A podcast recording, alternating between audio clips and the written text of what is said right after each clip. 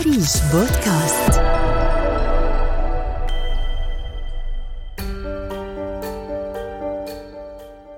يحتفل العالم اليوم باليوم العالمي لحرية الصحافة. والذي يحمل هذا العام شعار تشكيل مستقبل الحقوق حرية التعبير محرك لجميع أشكال الحقوق. فكيف تكون حرية التعبير محركا للحريات الأخرى؟ وما هو دور المؤسسات الصحفية في دعم الصحفيين والصحفيات لمواجهة ما يمكن أن يهدد حريتهم؟ وكيف نستمر في السعي نحو هذا الهدف وسط كل الضغوطات والأوضاع التي يبدو أنها تتغير من سيء إلى أسوأ؟ بمناسبة هذا اليوم سعيدة أن تكون ضيفتي في حلقة استثنائية من بودكاست أريج الزميلة العزيزة روان الضامن المديرة العامة لأريج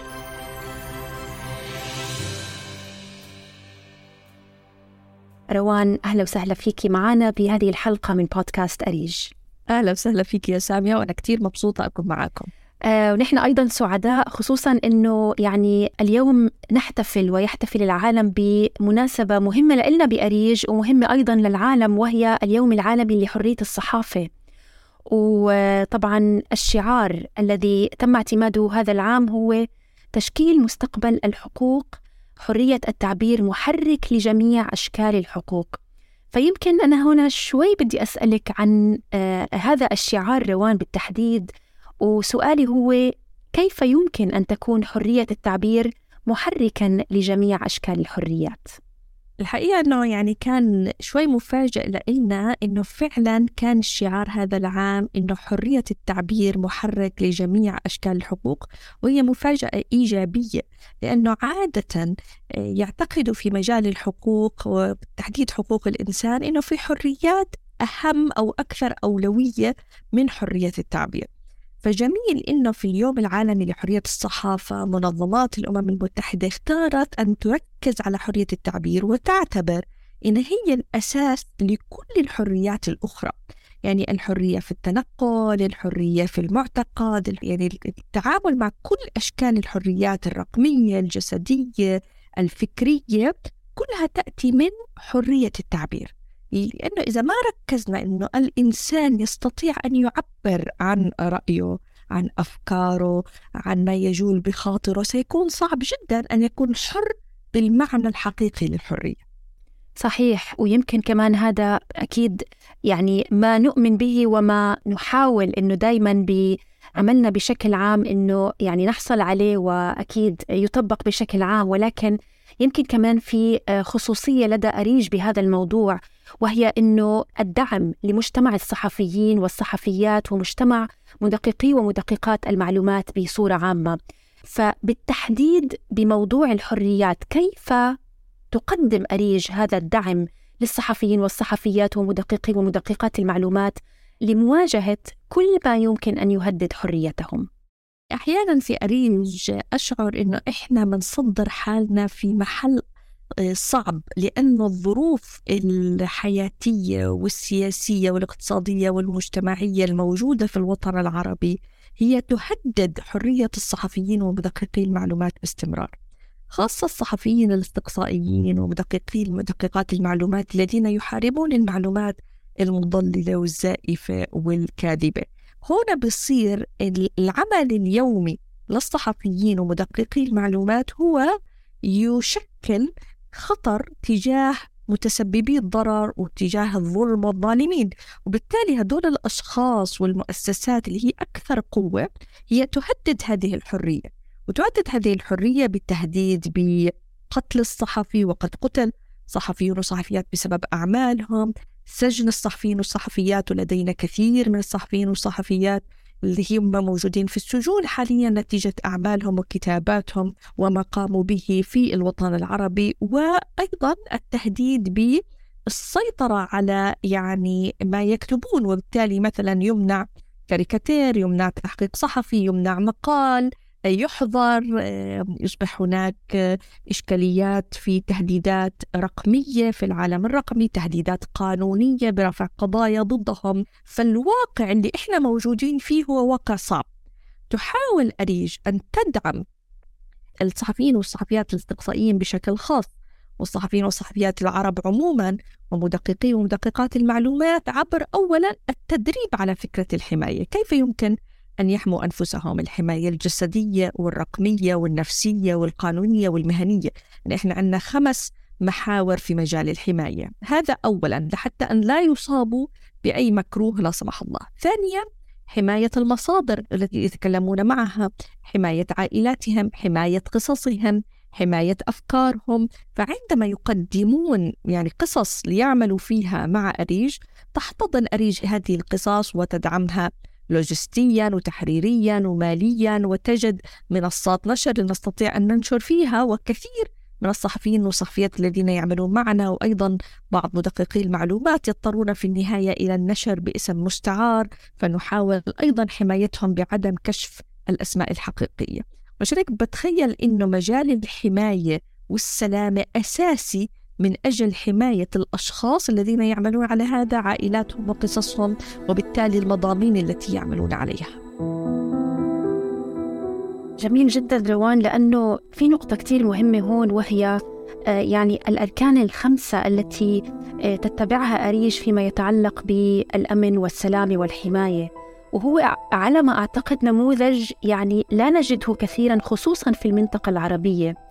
ويمكن مش كتير مؤسسات بتقدم هذا النوع من الدعم للمجتمع الصحفي ومجتمع تدقيق المعلومات بشكل عام. هذا كتير صحيح إنه في عنا يعني في عنا السلامة الجسدية لما ينزلوا على الميدان لما يغطوا مظاهرات يغطوا آه، يعني اعتصامات يغطوا كل أشكال العمل الميداني.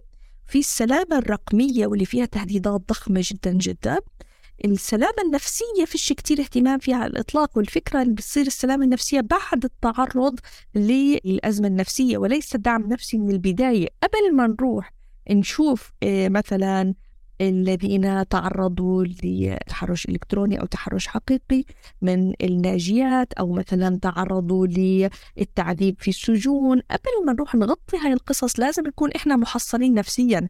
عشان هيك في أريج عبر أكاديمية أريج عندنا مساقات تعلم ذاتي مجانية متاحة للجميع في مجال السلامة الجسدية في مجال السلامة الرقمية وفي مجال السلامة النفسية. لكن بعدين نعمل عيادات رقمية متخصصة واحد لواحد بهاي الثلاث مجالات وبنضيف عليها السلامة القانونية مع محامي أو محامية من نفس البلد ومؤخرا السلامة المهنية. ويمكن هذا البعد الخامس اللي أضفناه من حوالي آه، أكثر من سنة هو مش موجود في كثير من المؤسسات حتى الأجنبية اللي بتدعم السلامة لأنه عندهم ما في كثير صحفيين وصحفيات بقرروا يتركوا الحقل تماما. إذا أنا بنشر باسم مستعار وإذا ماديا أنا مش كافي اللي باخده إيش ما أخذته بالعمل اللي بقعد فيه ست أشهر وسنة أشتغله؟ وإذا بالنهاية في تهديدات ضخمة علي حتى أنا لو ما صار لي إشي في هاي التهديدات فبالتالي بترك الحقل تماما وما بدي أشتغل في هذا المجال اللي اسمه الصحافة الاستقصائية. مشان هيك ضفنا هذا المجال إنه كيف ممكن أضل بالحقل كصحفية مستقلة بنفس الوقت متخصصة؟ مثلا في التغيير المناخي الاستقصائي في الرياضة الاستقصائية في الصحة الاستقصائية وأعرف كيف أقدر إني أكون مستقلة ماديا ومعنويا في هذا المجال. يعني وأنت عم تحكي روان كمان لفت انتباهي أو عم بتذكر أكثر إنه هذه الأركان الخمسة نحاول في أريج أن ندعم الصحفيين بها طوال العام ولكن أيضا خلال الملتقى الذي يقام سنويا. آه، في نهاية كل عام ملتقى أريج السنوي. ويمكن بالتحديد أنا بتذكر الملتقى الماضي ملتقى سنة 2022 آه، الذي عقد تحت شعار الإعلام المستقل وحضروا أكثر من 500 شخص على الأرض وتقريبا آه، حوالي 2500 شخص في العالم الافتراضي. برأيك هذا الشعار اللي هو حرية التعبير محرك لجميع أشكال الحريات كيف يتواءم مع شعار ملتقى أريج العام الماضي الذي عقد تحت الشعار آه، اللي هو لإعلام مستقل. فعلا يعني الملتقى زي ما قلت يا سامية هو زي في نهاية كل عام خلاصة ما نعمل عليه كل العام. ويعني ممكن إني أكشف السر للمستمعين والمستمعات معنا في بودكاست أريج إنه هذا أكثر إشي بتحبه سامية اللي هو ملتقى أريج نهاية كل عام. يعني إنه هذا الملتقى هو كأنه خلاصة كل هذا. فشعار إعلام مستقل ولإعلام مستقل يؤكد أن هناك ضرورة لتكريس الإعلام المستقل. الإعلام الذي هو ليس إعلام سياسي وليس إعلام حزبي وليس إعلام إقصائي.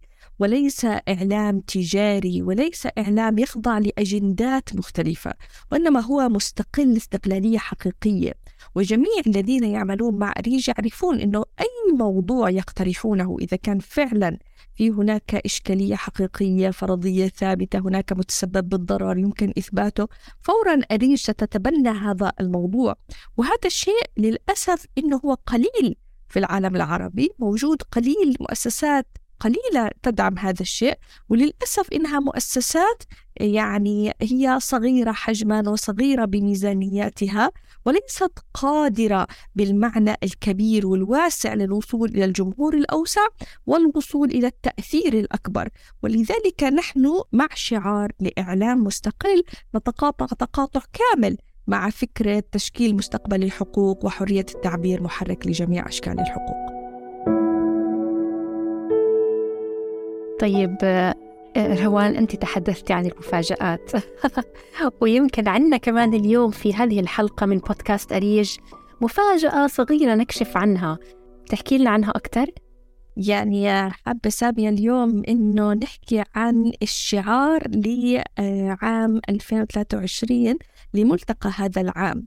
ودائما يعني إحنا كيف بصير هذا الإشي؟ بنناقش في إطار الفريق وبنناقش مع مجلس إدارة الشعارات المختلفة وكيف يمكن أن يكون هناك شيء يضم الجلسات والنقاشات المختلفة؟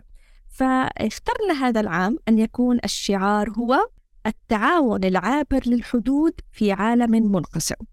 يعني سيعقد الملتقى كما أعلنا من 1 ل 3 ديسمبر في الأيام الثلاث الأولى من بداية العام وسيكون التركيز على هذا التعاون العابر للحدود لأنه لم يعد ممكنا لصحفي واحد في مصر أو صحفية في المغرب أو صحفي في ألمانيا أو صحفي في السودان أو صحفي في آه، ماليزيا أن يعمل وحده. يعني لم يعد ممكنا. إنتاج مواد تحقيقات أو حتى مواد مدققة بالمعلومات عبر العمل الفردي. أصبح التعاون العابر للحدود سواء في المعلومات في المصادر في النشر. أساسي والإشكالية أضفنا في عالم منقسم. إنه العالم تبعنا هو هذا عالم يخضع لكثير من التجاذبات والانقسامات والإقصاء وعالم فعلا التأشيرات فيه صعبة والسفر فيه صعب والحركة فيه صعبة والتقييدات على الحريات صعبة. ولذلك من المهم أن نعرف كيف نتعاون بشكل عابر للحدود في هذا العالم الذي يواجه كل هذه التحديات الرقمية والوجهية؟ يمكن كمان هنا روان تجربة أريج في هذا الإطار هي تجربة مهمة. يعني هناك مجموعة من التحقيقات من المشاريع التي تم تنفيذها ضمن إطار التعاون العابر للحدود.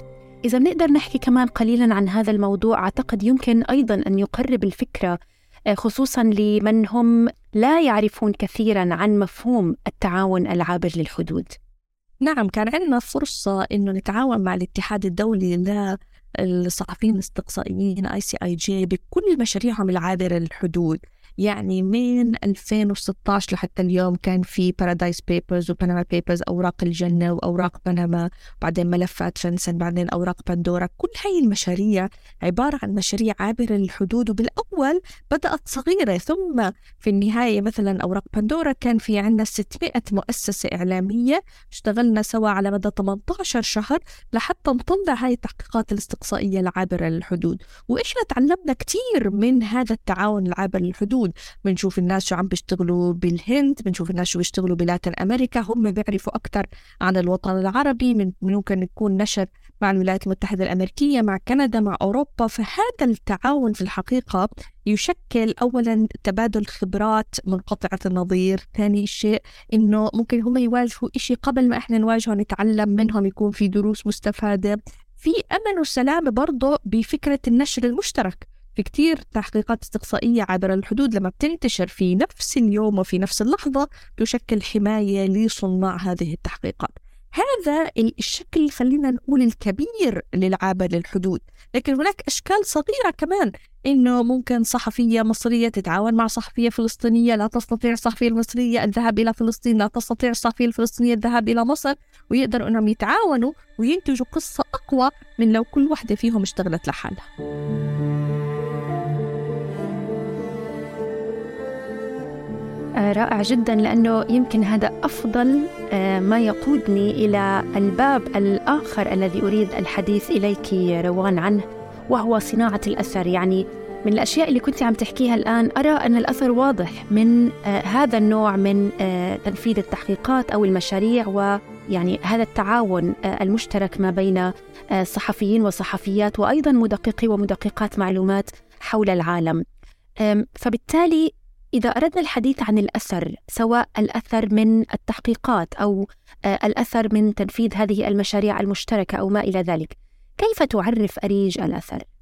إحنا نعتقد أن وجودنا في الحياة حتى هو حتى نصنع أثرا. أن الله سبحانه وتعالى خلق الإنسان لحتى يكون عنده بصمة في الحياة لحتى أن يقوم بإعمار الأرض بالتغيير بعمل أثر معين. ولذلك نقول أنه إذا كان العمل تبعنا ما له أثر ما في أصلا داعي لهذا العمل. والأثر هذا مختلف الأشكال. قد يكون الأثر على المستوى الفردي الصحفي إنه الصحفي من الجزائر بيجي على أريج هو بيكون صحفي له أربع خمس سنين بيشتغل صحافة بس ما عمره عمل تحقيق استقصائي. بيجي على أريج بنتبنى بنقول له تعال نشتغل سوا هذا التحقيق لأنه نؤمن إنه التدريب من خلال إنتاج تحقيق استقصائي. نتعلم من خلال الإنتاج نفسه.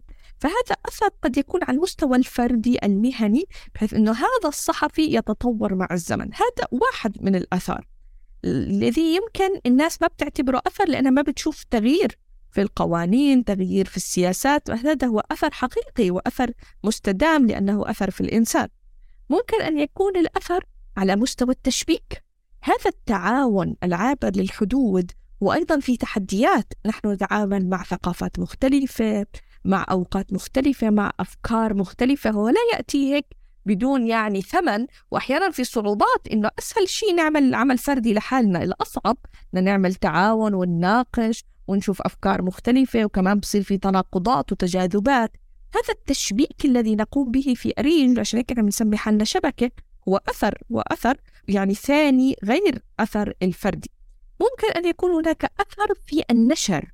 يعني لما نفس التحقيق الاستقصائي مثلا نحن نشرنا مرة عظام الرقبة من فلسطين آه، نشرناه في 16 آه، منصة نشر عربية وأجنبية في نفس اليوم في الأردن وفلسطين ولبنان ونشرناه في, في نفس الوقت. هذا يساعد في أمرين في الوصول لجماهير أكبر لأنه أصبحت لكل منصة وموقع جمهورها وأيضا في الحماية والأمن لصناع التحقيق الأصليين. وأخيرا الأثر اللي الجمهور بيشوفه أكثر واللي هو التغيير على الأرض. لما بنقول إنه في تلوث كان في منطقة في المغرب وهذا التلوث توقف بعد نشر التحقيق إنه السلطة المحلية في المكان قررت أن تعمل شيئا أو إنه في الأردن كان هناك حديث عن مدرسة للمكفوفين وهي المدرسة ما كانت تقبل إن المكفوفين والمكفوفات اللي هم أكبر من 12 سنة يناموا في المدرسة وكانوا يتغلبوا كتير ويسافروا ساعتين وثلاثة باليوم رايح راجع عشان يقدروا يروحوا على هاي المدرسة. عند نشر التحقيق تم هناك السماح لهم بالبقاء في المدرسة وصار في مدرسة داخلية لهذا الموضوع. هذا أثر الجمهور يريده لأنه يعطي أمل والصحفي يريده لأنه الصحفية أو الصحفي بيشتغلوا هذا الإشي بيكشفوا إنه في مشكلة في هذا المجال في تقصير في هذا المجال. في إشكالية في ظلم عم بيحصل في هذا المجال. فلما هذا الظلم يتوقف لما الإشكالية تحل لما نأثر في حياة الناس العاديين هذا يكون أثر. يمكن إحنا في أريج كنا محظوظين ببعض التحقيقات الاستقصائية التي عملت أثر واسع. يعني وهذا الأثر لا يحدث في كل قصة. إحنا مرات بنحكي إنه مثلا الوزير الفلاني كان شخصا فاسدا وقبل رشوة. ثم نجد إنه الأثر إنه بترقى في بلده بدل ما إنهم يطردوه أو يحاسبوه بنلاقي إنه ترقى. هذا بيكون إن يعني إحنا نحبط إنه إذا إحنا كشفنا كل هذا واشتغلنا كل هذا وبعدين الأثر تبعه ما حصل. لكن أحيانا كنا محظوظين مثلا إنه كان في قصة في اليمن دخل الصحفي إلى السجون اليمنية ووثق مساجين منسيين لسنوات بسبب الظروف والحرب في اليمن. وبعد نشر هذا التحقيق تم إطلاق سراح أكثر من 1600 يمني ويمنية كانوا في السجن. يعني بتذكر في ذاك اليوم إنه الفريق في أريج كان في بكاء في المكتب بكاء من الفرح بكاء من إنه نحن استطعنا أن نصنع أثرا في حرية. هؤلاء الأشخاص وخروجهم من السجن مع أنه المؤكد أنهم عمرهم ما سمعوا بأريج ولا رح يعرفوا عن هذا التحقيق لكن أنه هذا التحقيق فعلا عمل أثر وهذا الأثر بيكون من خلال قرار لصاحب القرار أنه هو فعلا يعمل أثر من هذه المادة الصحفية. طيب هيك سؤال سريع روان خطر ببالي إنه يعني نعمل على إنتاج التحقيقات ونعمل على مشاريع مختلفة سواء لها علاقة بالجندر أو لها علاقة بالأمن والسلامة أو ما إلى ذلك ولكن كيف يمكن لأريج أيضا أن تساهم في زيادة انتشار هذا الأثر يعني إذا هيك أنت بدك تعطي نصيحة لأي صحفي لحتى يصبح الأثر الذي يمكن أن ينتج عن عمله أكبر فماذا يمكن أن نقول؟ أول شيء يجب أن نفكر في الأثر أثناء صنع هذا التحقيق أو هذه المادة أو هذا المشروع. أن أفكر ما هو الأثر الذي أريد أن أحققه. وأنا أعرف أنه أنا لوحدي كصحفي أو صحفية أو نشر هذه المادة الصحفية وحدها لن يستطيع أن يعمل أثرا وحده. يجب أن نشبك أحيانا نشبك مع أهالي المستهدفين اللي إحنا مثلا أهالي القصة اللي عم نشتغل عليها. إنه هم يشكلوا لوبي أو يشكلوا آه، ضغط بحيث يحققوا الأثر. ممكن نعمل تحالف مع جمعيات بتشتغل في هذا المجال. نوصل هذا التحقيق لأصحاب القرار مرات أصحاب القرار لا يقرأوا هذه المادة فيجب أن نسعى أنهم هم يقرأوا هاي المادة لأنهم هم عندهم نية طيبة أنهم هم يحسنوا الوضع لكن مش عارفين أنه هذا الإشي موجود. وبالتالي يجب أن أخطط للأثر. لا يكفي أن أعمل المادة فقط. أحيانا ترجمة هذه المادة للغة أجنبية قد يكون هو المحفز من أجل أن يكون هناك أثر في هذه القضية.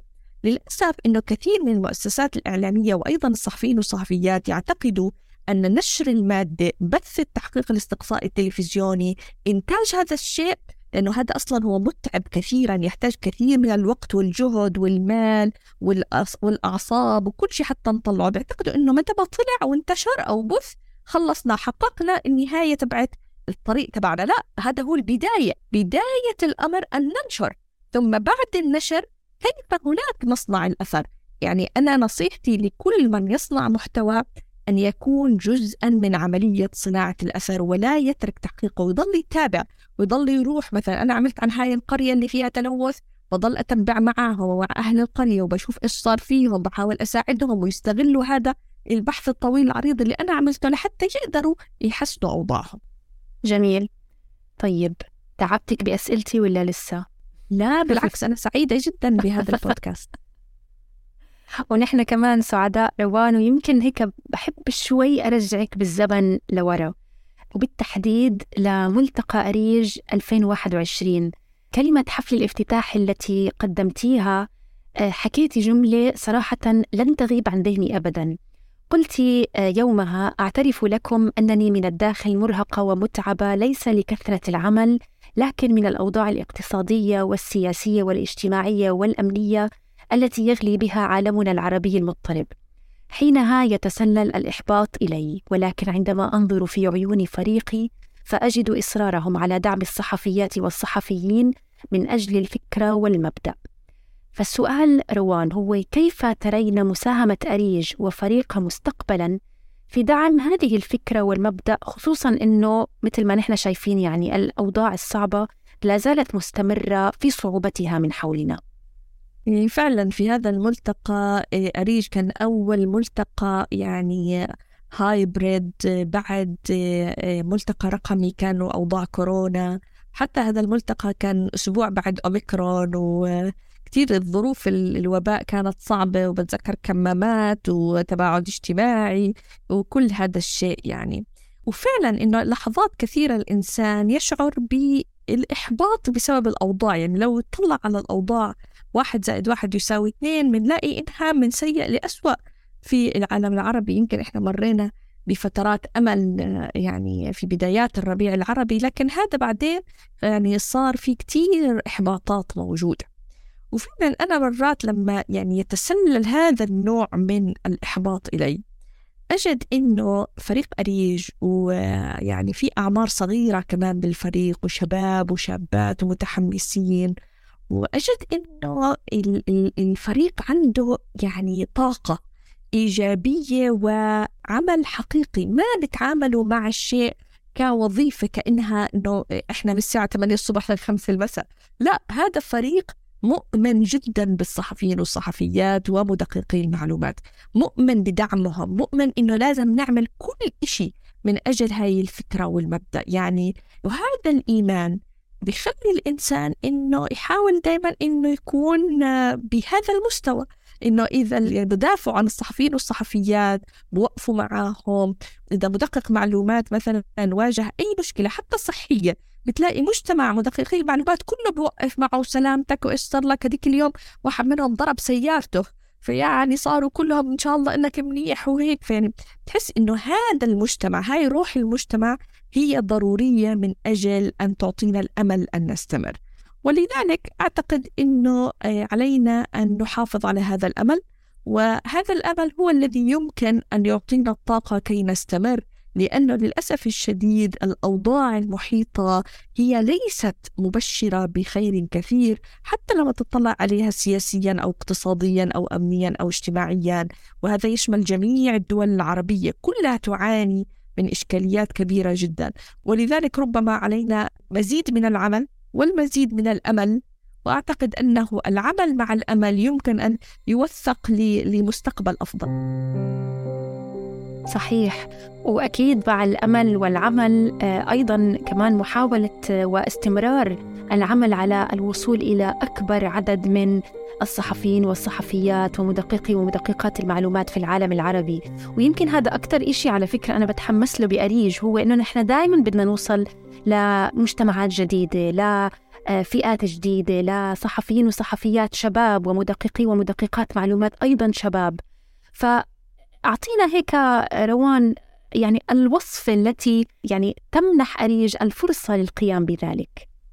نحن في أريج لا نتعامل أننا نادي مغلق أو أننا حزب. كثير من المؤسسات للأسف العربية بتتعامل أنها هي نادي مغلق. خلص الناس اللي بتعرفهم ضل تتعامل معهم أو أنها هي زي حزب.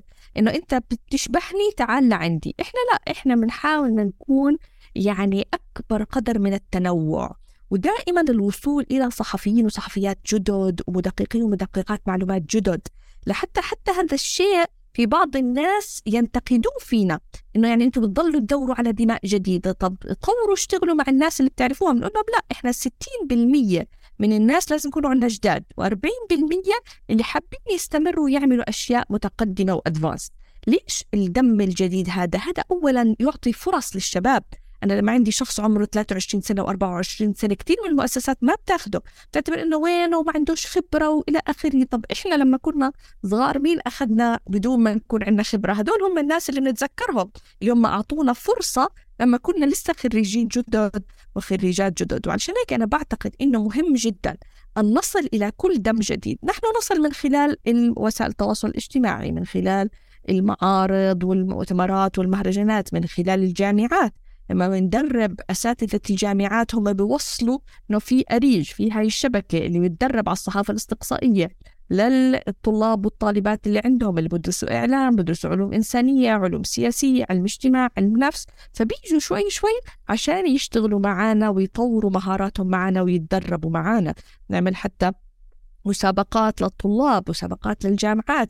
كله للوصول إلى الدم الجديد دائما ويسعدنا جدا إنه الناس اللي تدربوا معنا يصيروا هم مدربين وهم كمان يدعموا هذا الجيل الجديد. لكن أدعي إنه في أريج نحن نحاول أن نكون شبابيين في الروح لأنه سهل المؤسسة بعد 17 سنة من العمل تبدأ تشيخ. تبدأ تبطل تفكر بشكل شبابي. فمهم إنه إحنا نضلنا نتحدى نفسنا نقول كيف ممكن نعمل هذا الإشي؟ سواء لجيل مختلف عنا. هذا جيل تماما مختلف في طريقة تعلمه وطريقة تعاطي المعلومات وأيضا جمهور جديد يتعامل مع المضامين بطريقة مختلفة تماما عن الجيل السابق. جميل جدا. طيب آه، روان أنا وصلت إلى سؤالي الأخير وهو بالعودة إلى اليوم العالمي لحرية الصحافة رسالتك الأبرز لكل مستمعي بودكاست أريج ما هي؟ أنا بدي أقول إنه في اليوم العالمي لحرية الصحافة لا يمكن أن تكون الصحافة حرة بجهود الصحفيين والصحفيات ومدققي المعلومات ومطلقي الصفارة وكل المؤسسات الداعمة للإعلام المستقل وحدنا نحن لن نستطيع أن نصل إلى شيء إلا بدعم الجمهور بثقة الجماهير بنا بثقة الجماهير أنهن بحاجة لحرية صحافة. لأن حرية الصحافة هي التي تدفع إلى المساءلة والشفافية والديمقراطية. لا يمكن أن تكون هناك ديمقراطية بدون حرية الصحافة ولا يمكن أن ندافع عن حرية الصحافة فقط للصحفيين والصحفيات. نحن نحتاج كل مستمع ومستمعة أن يكونوا معنا في صف حرية الصحافة. حتى نستطيع أن نقول فعلا أننا نحتفل بيوم عالمي لحرية الصحافة. جميل ويعني أكيد آه، كل عام وأنت بألف خير روان وكل عام وحرية آه، الصحافة دائما أن تبقى بخير وأن يعني تزدهر أكثر كمان في آه، السنوات المقبلة وطبعا جهود دائما موفقة ومباركة من أريج. فشكرا لك روان على وقتك وعلى إجاباتك وعلى هذا الوقت الجميل اللي أيضا قضينا في الاستماع إلى ما يتعلق بأريج من آه، كل هذا الدعم الذي تقدمه لمجتمع الصحفيين ومدققي المعلومات آه، العرب. فشكرا جزيلا لك مرة أخرى. وشكرا كثير يا سامية. يعني أنا كثير سعيدة ببودكاست أريج وفخورة دائما فيك. شكرا شكرا لك شكرا روان.